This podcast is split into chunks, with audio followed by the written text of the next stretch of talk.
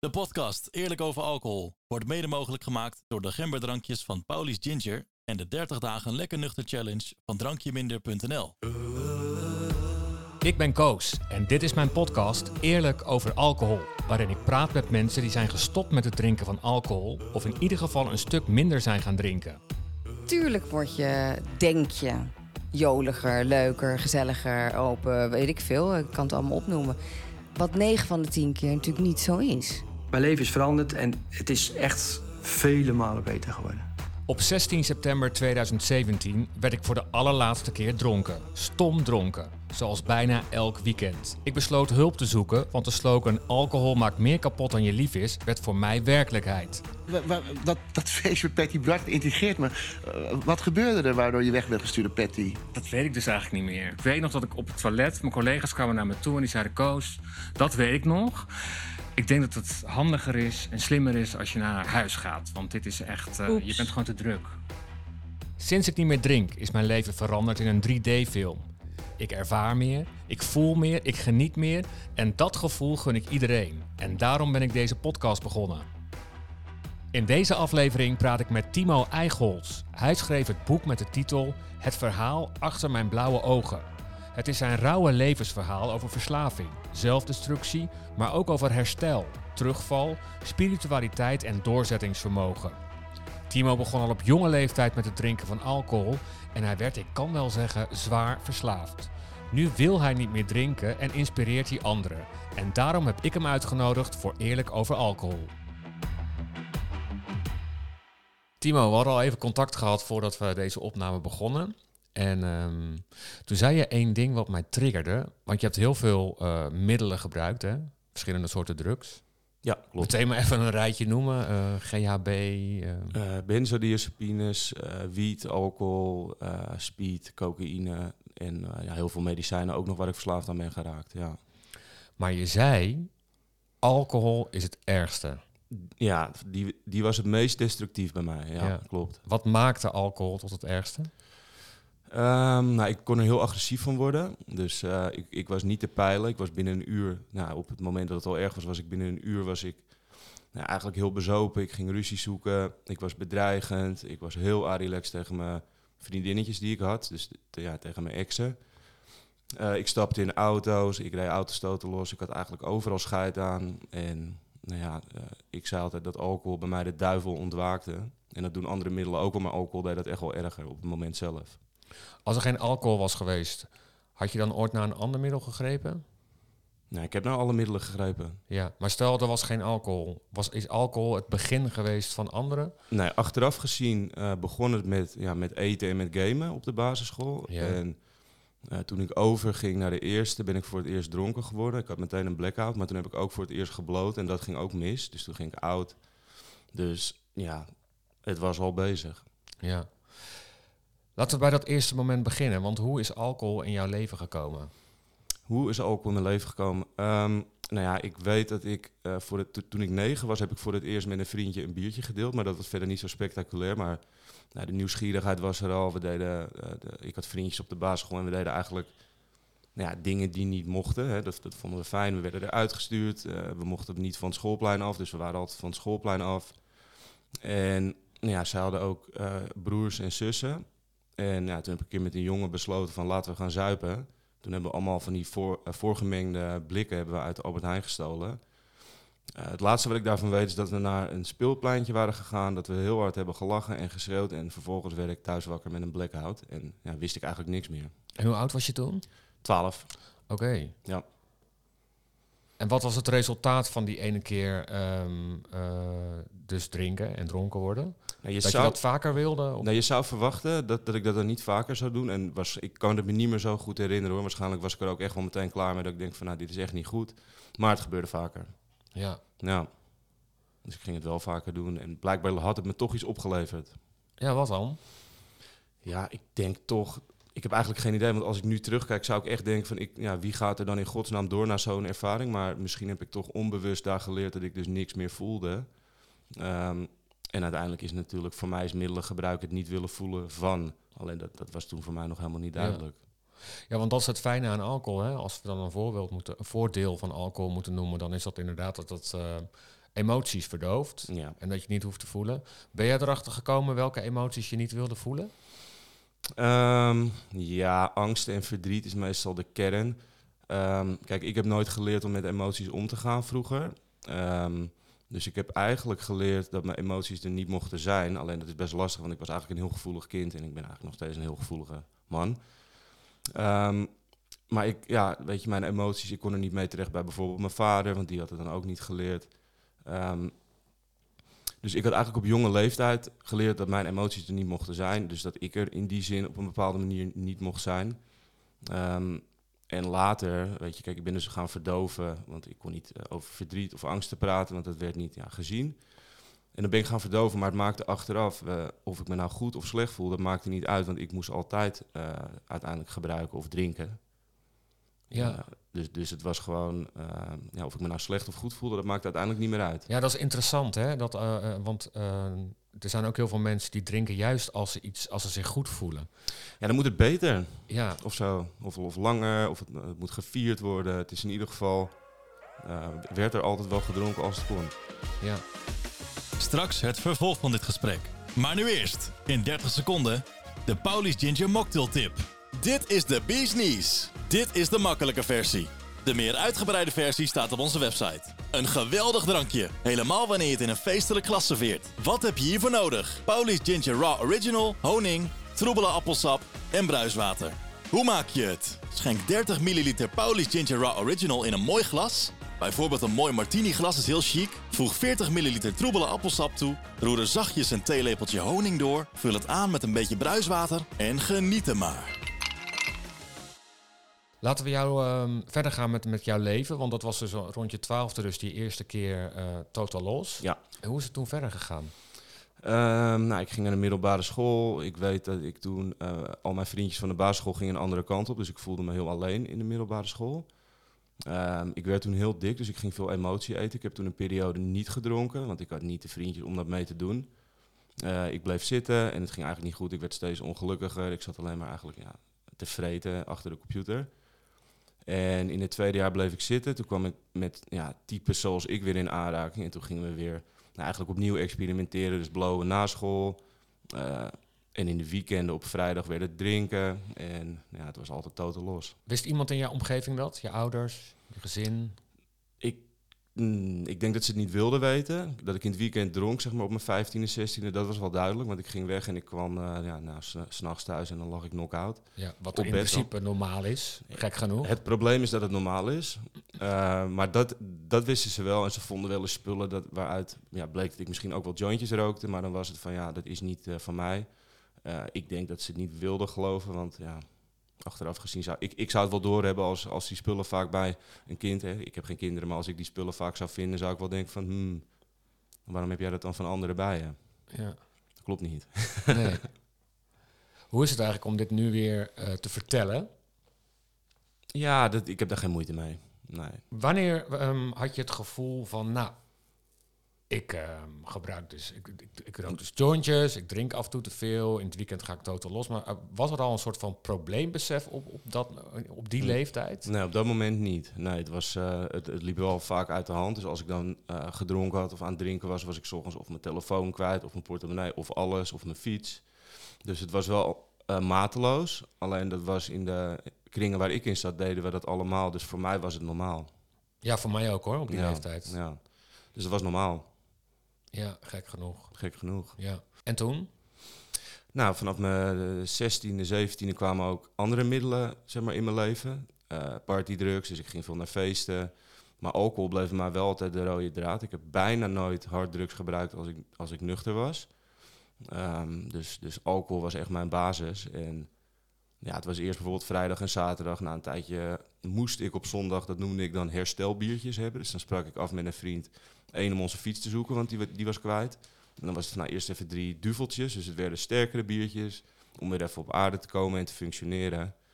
Ja, en uiteindelijk ehm, was het dus een binge gebruik van vrijdag tot en met zondag. Soms begon het op donderdag. En ja, ik heb toen een, een relatie gehad in die tijd. Nou, dat ging ook steeds slechter. En nou, de eerste keer dat het, ja, dit, dit was al allemaal foute boel natuurlijk, maar dat het echt fout ging, dat ik dacht van ja, dit kan zo niet. Dat was toen die relatie overging. En toen eh, begon ik echt van 's ochtends eh, te drinken, door de week ook. Toen werkte ik op het moment niet, op dat moment niet. En eh, nou, dan waren het gewoon meerdere flessen Prosecco op een dag of een, of een hele fles vodka. En dan, ja, dan zoop ik mezelf eigenlijk een kliniek in destijds, want ik wist van dat, dat gaat niet goed. Hoe oud was je toen? Nou, dat was 12 jaar geleden, dus toen was ik 22. Toen ging je voor het eerst de kliniek in. Ja, ja en daar heb ik eh, niet zo heel veel geleerd. Want ik, Maar was dat omdat je dat zelf wilde? Of? nou, eh, eh, ja, deels, maar uiteindelijk was de echte motivatie was om bijvoorbeeld mijn ex terug te krijgen. Dus op lange termijn deed ik het zeker niet voor mezelf. En ik dacht dan ook van, nou, ik ga even weg en dan is het anders als ik terugkom. En daar was ik ook heilig van overtuigd, want ik had helemaal geen idee hoe verslaving werkte. Ik dacht gewoon van, oké, Timo, nou ga je het gewoon normaal doen. Want iedereen kan dat normaal doen en jij ook. Dus je gaat het gewoon, geen vodka meer, maar bijvoorbeeld alleen bier. Geen drugs meer of, of zus en zo. Maar dat bleek wel, wel heel anders te liggen. Is jouw relatie destijds kapot gegaan Ja. door de drank en de drugs? Ja, ja, ja zeker. zeker. Ik kwam niet opdagen en, en ik kon ook heel jaloers worden. En als ik echt lam was, dan kon ik er gewoon uitschelden. Dus dan projecteerde ik al mijn ellende op haar. Eh, en dan was het sorry, sorry, sorry. En dan ik kom het morgen goed maken. En dan was het maar de vraag of ik daar stond. En als ik er stond, of ik niet gewoon verder ging. Of dat ik nog helemaal doorgesnoven ook was. En helemaal lam. Eh, ja, er was geen lam met mij te bezeilen tegenover niemand niet. Maar zeker niet tegenover mijn vriendin destijds. Nee. Ja, je zei net, ehm, ik wist eigenlijk helemaal niet wat verslaving inhield. nee. Wat houdt verslaving dan in? Nou, voor mij wat ik geleerd heb is dat het, eh, het is ja, in die zin niet het middel. Kijk, het middel is niet handig bij een verslaafde, want dat eh, loopt uit de hand. Maar het is meer van wat eronder zit. Hè. Waarom eh, moet ik zo naar de kloten gaan? Waarom wil ik niet voelen? Want het was, eerst gebruikte ik om me goed te voelen. Daarna gebruikte ik om me onbewust minder slecht te voelen. Uiteindelijk gebruikte ik echt om er niet meer te zijn. En was het echt coma zuipen meerdere keren per dag. Dus daar, ja, dat had wel een, eh, een opbouw. Ehm, en nou ben ik even de vraag kwijt. Ja, wat verslaving dan wel is. In ieder geval het niet willen voelen. Ja, En ehm, ik loop vast. maakt helemaal niet uit. Eh, nee, want je was aan het vertellen van, eh, ik dacht van, nou, ik kwam uit de kliniek en dan dacht ik van, nou, dan ga ik het nu normaal doen. Want ik had bedacht, oh ja, omdat, ja. Je, omdat je nog niet wist van wat, wat de verslaving... Nee, ik, ik wist niet dat het in mijn gedrag zat. En Ja. dat het eigenlijk verweven zat in alles. In mijn, ja, ik had verkeerde vrienden voor mij. Ik was net zo fout voor hun. en Ik geef niemand de schuld. Dus ze hadden slechte invloed op mij en ik op hun. En ik had helemaal niet in de gaten dat ik in zijn totaliteit moest veranderen. Om, dus eigenlijk moest mijn hele imago moest ik loslaten. Echt opnieuw leren lopen. Dus eh, ja, afstand nemen van alles. Want verslaving zat overal in verweven. In ieder geval het gedrag. En Ja, dat is ook het probleem. Het gedrag dat moet afgeleerd worden. ja, om, echt te herstellen. ja, en je begon natuurlijk al op een hele jonge leeftijd.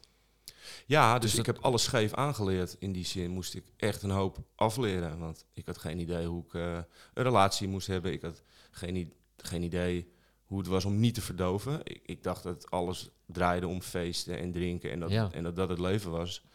En ik had ook heel erg het gevoel toen ik eh, later een keer voor het eerst echt clean werd, had ik zoiets van ja, ik kan helemaal niks meer doen. Ik kan dit niet meer doen, dat niet meer doen. Maar eigenlijk kon ik het allemaal samenvatten onder het feit dat ik kon niet meer vluchten. En daarom voelde het alsof ik niks meer kon, want dat was eigenlijk alles wat ik kende. Dat was vluchten.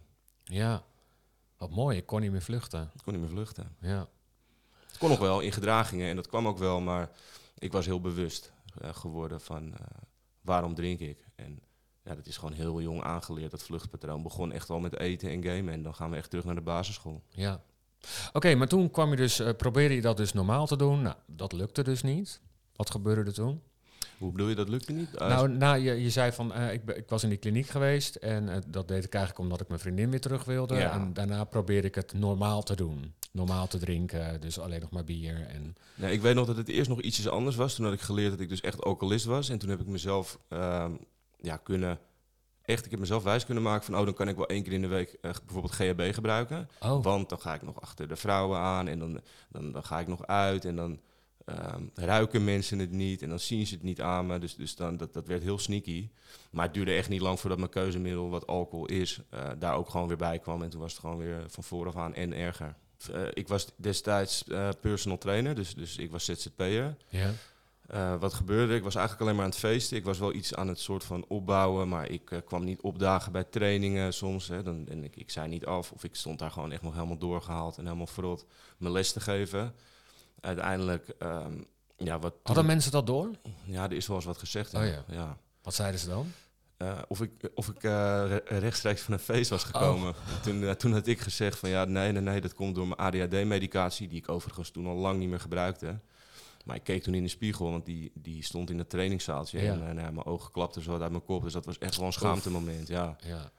Maar ik had een bedrijfsbus. En nou ja, die heb ik uiteindelijk bij Rotterpolderplein totaal losgereden. En dus toen was ook mijn bedrijf was naar de kloten. Ik was naar de kloten. En ik weet nog dat ik eh, mee moest naar het politiebureau. En toen ben ik ook nog oud gegaan tijdens het verhoor. Eh, en op het moment dat ik thuis kwam, want ik woonde toen weer bij mijn ouders. eh, toen zei mijn moeder, rij alsjeblieft jezelf de volgende keer dood, want wij trekken het niet meer. En, Oh. en dat was het, die kwam heel hard binnen. Wow. Want ik zag het in haar ogen. En niet dat ze dat wilde, maar ik zag, de, ik zag het verdriet in haar ogen. Ja, en dat was het moment dat ik dacht van ja, Timo, dit gaat niet. En eh, nou, toen ben ik eh, in 2014 weer een kliniek ingegaan. ja. Ja. En dat heeft wel een hoop veranderd, die opname. Mm, ja, het klinkt gek, maar ik ben toen nog, nog weggelopen bij de tweede. eh, er was toen een secondary care, daar ben ik weggelopen. Ehm, nou ja, uiteindelijk heeft mijn verslaving mij daar weggekregen en ik ben toen ook teruggevallen. En dat was echt een hele, ja, een hele slechte tijd. Maar ik wilde oprecht al stoppen, maar die verslaving was zo sterk. Dus ik, die, nou, ik had mezelf dus de kliniek uitgeluld of spullen gepakt en weggegaan. Eh, het gewoon doorgegaan met gebruiken. En toen waren mijn ouders op vakantie en die hadden gezegd van ja, je komt hier niet meer in. Toen ben, heb ik me snel aangemeld eh, op advies van iemand om een dagbehandeling te doen met een safe house. Nou, toen ben, want ik wilde echt stoppen. Dus toen ben ik daar een traject ingegaan. Ben, is het ook nog een keer misgegaan. En eh, toen ben ik een keer acht of negen maanden clean geweest. Nou, toen ging het nog een keer fout. Toen een keer twee jaar. En daar was echt wel het, eh, ja, het balletje gaan rollen van herstel. En eh, nou, zodoende is het wel een heel moeilijk traject geweest. Kan jij uitleggen hoe het dan kan, hè? Dat je aan de ene kant wil je dat het stopt en dan wil je in behandeling. Ja. En aan de andere kant zeg je, ja, mijn verslaving zorgde ervoor toch dat ik weer wegliep. En want ik kan me echt voorstellen dat iemand zit te luisteren en denkt, ja, wat ben je nou voor een, voor een sukkel? Want als Ja. je dat dan wil, dan doe je dat toch? En dan is het zo makkelijk om te zeggen, mijn verslaving. Ja, lekker makkelijk, mijn Ja. verslaving. Nou, ik kwam van heel veel zware middelen af. Dus ik had een afkick eigenlijk... Kijk, alcohol en GHB en benzodiazepines, hè, de bekende pammetjes. Eh, die werken allemaal soortgelijk, in ieder geval op dezelfde receptoren. En dat gebruikte ik allemaal door elkaar, wat overigens echt levensgevaarlijk is. Dus mijn omwenning was gigantisch heftig. Ik sliep maar een half jaar, één tot twee uur per dag. En daarbij kwamen ontwenningsverschijnselen, angsten, langdurig, zweten. Het was gewoon heel heftig afkicken. En ja, dat was gewoon een heel zwaar traject waar ik me echt in vergist had. En, en wellicht was de afbouw destijds ook te snel gegaan. Ehm, maar het was heel moeilijk. Het was, het was, dat was de moeilijkste afkick die ik ooit heb, heb gedaan, zeg maar. Of heb ervaren. Dus het was gewoon heel moeilijk. En ik wilde. En als het dan fout ging, dan meldde ik me ook meteen aan. Ik zeg, jongens, het is fout gegaan. Help, ik, ik wil terug de kliniek in. Of wat moet ik doen? En zo ben ik wel telkens weer opgestaan, zo snel mogelijk. En eh, ja, verder gegaan met hulp zoeken. Jeetje, maar wat een, eh, wat een traject heb jij dan afgelegd, zeg? Ja, ja, ja. Was niet makkelijk. Zeg je lachend. Ja, nou ja, ja, ja. Kijk, ik, eh, natuurlijk is het niet grappig, maar ik ben, ik ben heel blij dat ik eruit ben. En weet je, het is, ik ben nu gewoon clean. En, en er is op het moment ook gewoon geen trek in middelen of in alcohol. Dus, dus wat dat betreft kan ik ook lachen, omdat ik, ja, het voelt gewoon goed hoe het nu is. En ben jij dus ook een voorbeeld van iemand die dus ehm, zwaar verslaafd is geweest, of misschien nog steeds is, maar dus geen eh, alcohol of drugs meer nodig heeft. Dus het, het kan dus. Ja, of ik een voorbeeld ben, kijk, ik ben geen therapeut. eh, ik kan wegwijzen. Ik kan vooral vertellen wat niet werkt. Want ik heb alles geprobeerd op, op- te, ja, te doen op mijn manier en wat mij verstandig leek. En nou, ik heb gewoon moeten leren door te ervaren wat niet werkt. En daardoor bleef uiteindelijk iets over wat, wat wel werkte. Ja, nou ja, ik weet dat er mensen luisteren die eh, met alcohol worstelen en Ja. daar ook wel van af willen, maar toch ook denken, ja, ehm, het lukt me gewoon telkens niet. Het gaat een tijdje goed en het lukt me niet. Dus daarom, Timo, je Ja. bent wel een voorbeeld voor iemand die er zwaar aan zat Ja, en het nu niet meer nodig heeft of het nu niet meer wil. nee, nee. Maar dus dat, eh, je maakt een hele grote sprong. Ja. Wa- wat was dan het ehm, eerst? Waar heb je het meest spijt van? Ik wil heel, gewoon heel even wat voorbeelden horen. Het is altijd een beetje... Waar ik het meest spijt van heb, is niet zozeer de dingen die ik deed, maar de mensen die ik erbij betrokken heb. Dus eh, de familie, dus mijn moeder, mijn vader en ook mijn zus, maar ook ex-vriendinnen. Gewoon mensen die het meest dicht bij me stonden, die heb ik gewoon het meest fucked up behandeld. En dat, eh, ik, ik heb mezelf vergeven, maar ik vind dat nog moeilijk ehm, dat ik dat gedaan heb. Ja. ja, ja. En ik ga toch nog even doorvragen. Ja. Wat maakt het dan moeilijk? nou ja, de mensen van wie je het meest houdt of van wie ik het meeste hield, maar dat ook niet kon uiten. Eh, die alles voor me over hadden, dus die eigenlijk alles voor mij deden, die heb ik dan als een soort deurmat behandeld. En, eh, ja, Wat deed je dan? Schelden, dreigen, agressief zijn, ja. liegen, manipuleren, afspraken niet nakomen. Van mijn ouders heb ik heel veel drank gestolen. Die, hadden, nou, die moesten de hele sloten van de, van de garage vervangen omdat ik alles jatte. Dus dat allemaal, ja. Kan je zeggen dat er een heel boos jongetje in je zat, wat er dan uitkwam onder invloed? Ja, ja eh, want, want aan de ene kant verdoof je met alcohol, maar alcohol versterkte bij mij uiteindelijk ook. Het eerste uur was het bijvoorbeeld gezellig. Ja. En dan sloeg ik in één keer om. Dus kwam agressie kwam er echt uit. En wat ik geleerd heb, is dat onder die agressie, want die agressie die komt ergens vandaan. Dat is gewoon een, ja, een bodemloze put vol met verdriet die ik nooit heb leren verwerken. Dus dat was ook waar mijn herstel over gaat en, en over ging. Dat is eh, ja, verwerken wat voor pijnen er zitten. En ja, als ik, ik, als ik agressief zou worden, dan weet ik van hé, hey, hier zit iets heel anders onder. En als ik daar niet mee aan de slag ga, als die emmer overloopt, dan weet ik dat het fout gaat uiteindelijk. Dus ik moet telkens terug en voelen wat er echt zit. En ja, ik heb eigenlijk heel veel gehuild tijdens mijn herstel om, om die emmer leeg te krijgen. Ja. En, en waar is nu dat boze, eh, verdrietige, eenzame jongetje? Nou, die is wel meer op de achtergrond. Ja, ja, ik heb er wel veel van opgelost. En waar is de stem die zegt, ah, neem een glaasje? Nou, die, die heb ik eigenlijk nooit gehad, neem een glaasje. Want het is bij mij nooit zo geweest dat ik mezelf overtuigde van... oh, ik neem één glaasje. Dus dat ik mezelf op die manier erin liet trappen. Het was bij mij meer gewoon van... oké, dan werd ik dus agressief en boos op de hele wereld en op mezelf. En dan was het niet van, nou, één glaasje. Maar dan was gewoon, fuck it, ik ga nou helemaal naar de tering... en fuck iedereen en alles. Dus, Oké, dus ik, dan ga ik het anders vragen. Waar is de stem, fuck it, ik ga helemaal naar de tering. En hoor je die nog wel eens? nee, Nee? Nee, nee, echt niet. Nee, nee. En ik weet dat hij er kan komen. Maar als ik doe wat ik nu doe, dan blijft hij weg. Wat doe je dan nu? Eh, nou, ik, ik heb me heel veel in, in spiritualiteit verdiept. En eh, om het niet heel zweverig te laten klinken, eh, is dat voor mij niet meer dan mezelf echt leren kennen. Dus ook mijn donkere kanten en mijn lichte kanten. En ja, de weg van het hoofd naar het hart. Blokkades opruimen, dus alles wat zich aandient bij mij aan nou dingen, trauma en zo. Gewoon alles wat zich aandient op proberen te lossen. Ehm, in mijn gevoel komen en met mijn gevoel om leren gaan. Eh, meditatie, dat soort zaken. Als ik dat blijf doen, hè, maar ook verbinden met mensen en met mezelf, maar ook verbinden met mensen die een soort gelijk eh, verleden hebben. Dus hè, de 12 stappen meetings ben ik veel geweest, ga ik ook momenteel nog veel naartoe. Ehm, op een gezonde manier sporten. Het, het is eigenlijk een hele hoop ehm, ja, nieuw gedrag wat ik heb aangeleerd om daar weg te blijven. Dus ik kan, ik kan het donker voeden in mij, wat uiteindelijk ook resulteert in gebruiken. Eh, maar al die andere dingen die voeden als het ware mijn, ja, mijn licht, zou ik dan zeggen. En ja, als ik daar gas aan geef, blijft dat donker ach- eh, ja, op de achtergrond. Eh, Zijn er nooit meer donkere dagen? Zeker wel. Hoe ga je daar dan mee om? Ehm, tegengas geven. En als dat niet lukt... Hè, Maar even, even concreet, hè? want ik, ik vraag dat ook een beetje voor mezelf. Nou ja, ik heb wel eens dagen, dan ben ik bijvoorbeeld in één keer, is echt zo'n donkere wolk, ben ik ongelooflijk depressief, is alles kut. En eh, dan maakt het allemaal niet meer uit. Dan is het niet zo dat ik dat zozeer dat ik wil gebruiken, maar dan vind ik gewoon alles kut en dan wil ik niks. En de, nou ja, dan ga ik ook slapen overdag. En het is eigenlijk zaak om dat zo snel mogelijk te doorbreken en gewoon dingen te doen waar ik helemaal geen zin in heb. Dus desnoods eh, iemand bellen of even afwassen, iets voor een ander doen. In ieder geval uit die mind zien te komen. En dat is makkelijker gezegd dan gedaan. Ja. Soms, soms, soms duurt het ook echt wel lang. En ik heb ook wel eens dat het... Nou, dan duurde het drie dagen.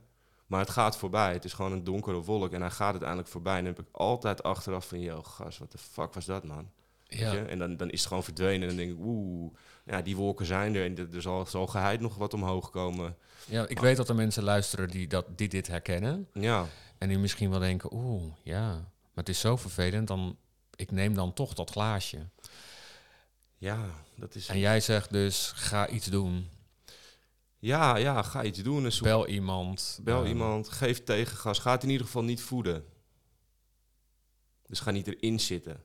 Nee. Weet je, als ik de, dan ook ben zielig. Ja, dat is iets anders dan wegdrukken, hè? want dat gaat ook niet werken. Je mag ook soms gewoon zijn met dat je je vervelend voelt. Soms moet je hem echt, of ik dan, moet ik hem echt uitzitten van oké, het is nou zo kut en het zal allemaal wel en, eh, verdragen.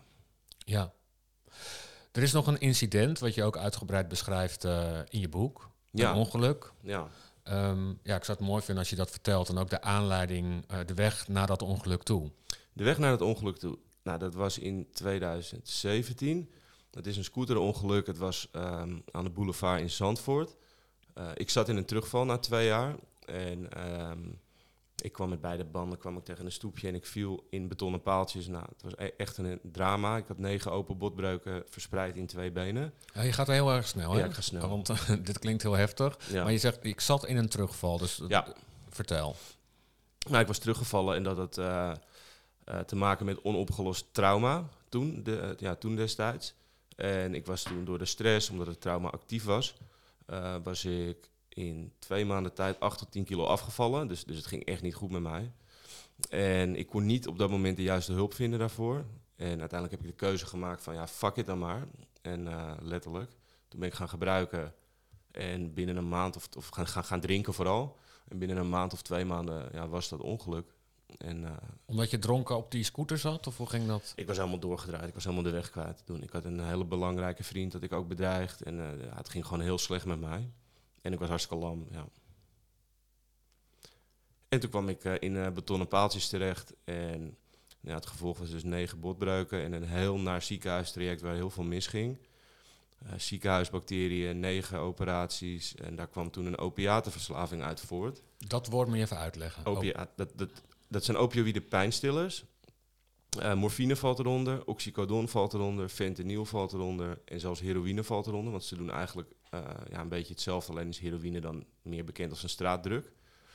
Dus ik kwam eigenlijk in medische heroïneverslaving terecht. eh, doordat, ja, doordat ik zo in het ziekenhuis lag, veel operaties, ongelooflijk veel pijn gehad. En ja, er was niet echt een keuze om die middelen niet te nemen. Maar ja, er gebeurt bij een verslaafde als ik meer dan dat alleen de fysieke pijn weggaat, eh, gebeurde daar een hoop meer. En ja, kwam, Ja. Ik, kwam ik echt in een heel moeilijk traject terecht. Was je er bijna, hè? Had je twee jaar lang eh, niks gebruikt. En dan gebeurt er nog iets heel heftigs. Ja, Eh, dat beschrijf je ook in je boek. Ja. Ehm, ja, je ging ook foto's maken en zo, van die botbreuk en zo. Je ging met de stoer overlopen doen. nou, ook, nee, ik was helemaal de weg kwijt, want ik, ik werd wakker, want ik was echt oud gegaan. Ik, ik ben, na het ongeluk ben ik op mijn rug gaan liggen. Ik denk van, nou ben ik dood, want het, eh, ik had heel veel pijn en dat trok toen Oh. weg. En toen dacht ik van, nou is het klaar. En toen werd ik wakker in het ziekenhuis. En toen nou, waren allemaal artsen met mijn enkel bezig en eh, eh, aan het dichtnaaien. Maar ik had volgens mij allemaal rare middelen gehad, zoals ketamine en morfine van, van de artsen. Dus ik was helemaal ja, de weg kwijt in Wappie. En ik, eh, ik zat het te filmen en ik stuurde het inderdaad naar familie rond. En dan zei ik erbij van, eh, maak geen zorgen hoor, ik loop morgen gewoon naar mijn eigen huis. Het is even fout gegaan. En de volgende dag eh, kwam ik er pas achter wat er echt aan de hand was. En eh, dat het een heel lang traject ging worden. Je bent door het oog van de naald gekropen. Vaker, ja. Maar, eh, nou ja, even dat ongeluk dus. Ja. Ehm, maar er is één moment geweest in al die gekte... wat jou wel heeft, wat ervoor heeft gezorgd... dat je eigenlijk hier nu tegenover me zit. Eén moment in de gekte? Ja, nou, ehm, je had je helm niet op. Ja, En ja, ja, ik zo ergens... Ja, ik geloof dan toch ook wel in een soort van energie... of dat iets wat er is, waardoor... 100 procent. Ja, ik kan het even nu niet de juiste woorden voor vinden... maar je zat als een, als een waanzinnige zat je op die motor... of op die, op die scooter. scooter. Maar ja, vertel het zelf maar. Ja, nee, dat klopt. Ik reed die dag, het was zomer en eh, ik reed al uren rond. En ik had geen helm op, want hè, mijn haar moest goed zitten. Dat is allemaal het- het- hetzelfde gelul natuurlijk. en eh, in de bocht naar de weg waar het ongeluk gebeurde, daar zette ik hem. Ik stopte met rijden en zonder reden zette ik, zette ik mijn helm op. En ik hoorde van mijn vader na het ongeluk, een paar dagen later, dat die helm helemaal gebarsten was. Ja. Dus anders was het zeker mijn schedel geweest. Dat is echt bizar. En daar ben ik wel gered. Ja, ja. Ja. En ehm, nou, je vertelde net al over de spirituele weg eh, die je ook bewandelt. ja. Hoe, ehm, wat, wat, wat denk jij nu bij, eh, bij die gebeurtenis dat je dus je helm opzet? Wat, wat, hoe verklaar je dat dan? Ja, dat ik nog niet mocht gaan, maar dat ik nog wel ergens doorheen moest. Ja, Ja. en dat raak je ook, zie ik. Nou ja, weet je, eh, ik, ik heb daar voor mijn gevoel nog een kans gekregen, maar ik zat ook in die tijd daarvoor, de, voor die terugval. In die twee jaar dat ik clean was, had ik nog een ongelofelijke sportverslaving. Dus, dus ik, ik was eigenlijk gaan wisselen van, van middelen. We- Ja, kwamen de gedragingen. Dat was vooral met- toen heel veel met sporten. En weet je, er was nooit genoeg. En dat eigenlijk zorgde het ongeluk ervoor. Want ik was heel getraind toen het ongeluk er was. En het was een sixpack en echt, ja, nou, overmatig. Nou, er staan foto's in je boek, die zien er heel goed uit, laat ik het zo zeggen. Ja, nee. ehm, eh, dus, dus, dus ik moest blijkbaar nog leren, weet je, toen, of niet, nee, ik loop vast, maar toen ik dat ongeluk had, heeft dat, eh, ja, dat overmatig getrainde lichaam heeft mij niet gered. Kijk, uiteindelijk heeft het me wel geholpen om sneller te revalideren. Ehm, maar omdat ik eigenlijk nooit mijn lichaam echt heb gewaardeerd en eigenlijk altijd op uitgebuit met drugs, maar ook, ook dus met sporten, eh, moest ik het leren verzorgen. En, en ehm, ja, nu er anders mee omgaan. Dus, dus het heeft mij een hele andere kijk eh, of lichaamsbewustzijn gegeven. En dat, dat, dat is wel wat ik daar ook van geleerd heb. Ik ben daarna ook mijn sportverslaving door, door de jaren heen, is die weg. Ik train nog wel, maar heel anders. En dat was voor mij net zo belangrijk, want ik heb door, door sporten ook bijna tegen een burn-out gezeten. Omdat het gewoon zo overmatig was en het was nooit genoeg. En dat ging hand in hand met aandacht van eh, vrouwen, et cetera. En dat was een bodemloze put die na mijn middelen zichtbaar werd. En eh, nou ja, door dat traject ben ik toen gegaan toen ik helemaal in de kreukels lag. Want er was eigenlijk niks meer over van hoe ik eruit zag. Want ik zag er altijd er goed uit en dat was weg. Dus het heeft, men, ja, het heeft eigenlijk een transformatie teweeg gebracht. En ik zou nooit mijn- boek hebben geschreven als dat niet gebeurd was. Wauw. Ja, Uh, Timo, dankjewel voor je verhaal. ja bedankt voor eh, het gesprek. Mooi dat ik ehm, achter jouw mooie blauwe ogen mocht kijken Ja, nou, in deze podcast. graag gedaan. Hoe hou je het vol? Wat Het leven zonder, eh, beter. zonder middelen, zonder sportverslaving, zonder medicijnverslaving, zonder alcohol. Het is leven. Ik, ik leef en ik overleef niet meer. Dat is het verschil. Ik leef en ik overleef niet meer. Dat is een mooie. Ja, Dankjewel. ja graag gedaan man. Wil jij ervaren hoe het is om een tijdje niet te drinken? Meld je dan aan voor de 30 dagen lekker nuchter challenge op drankjeminder.nl.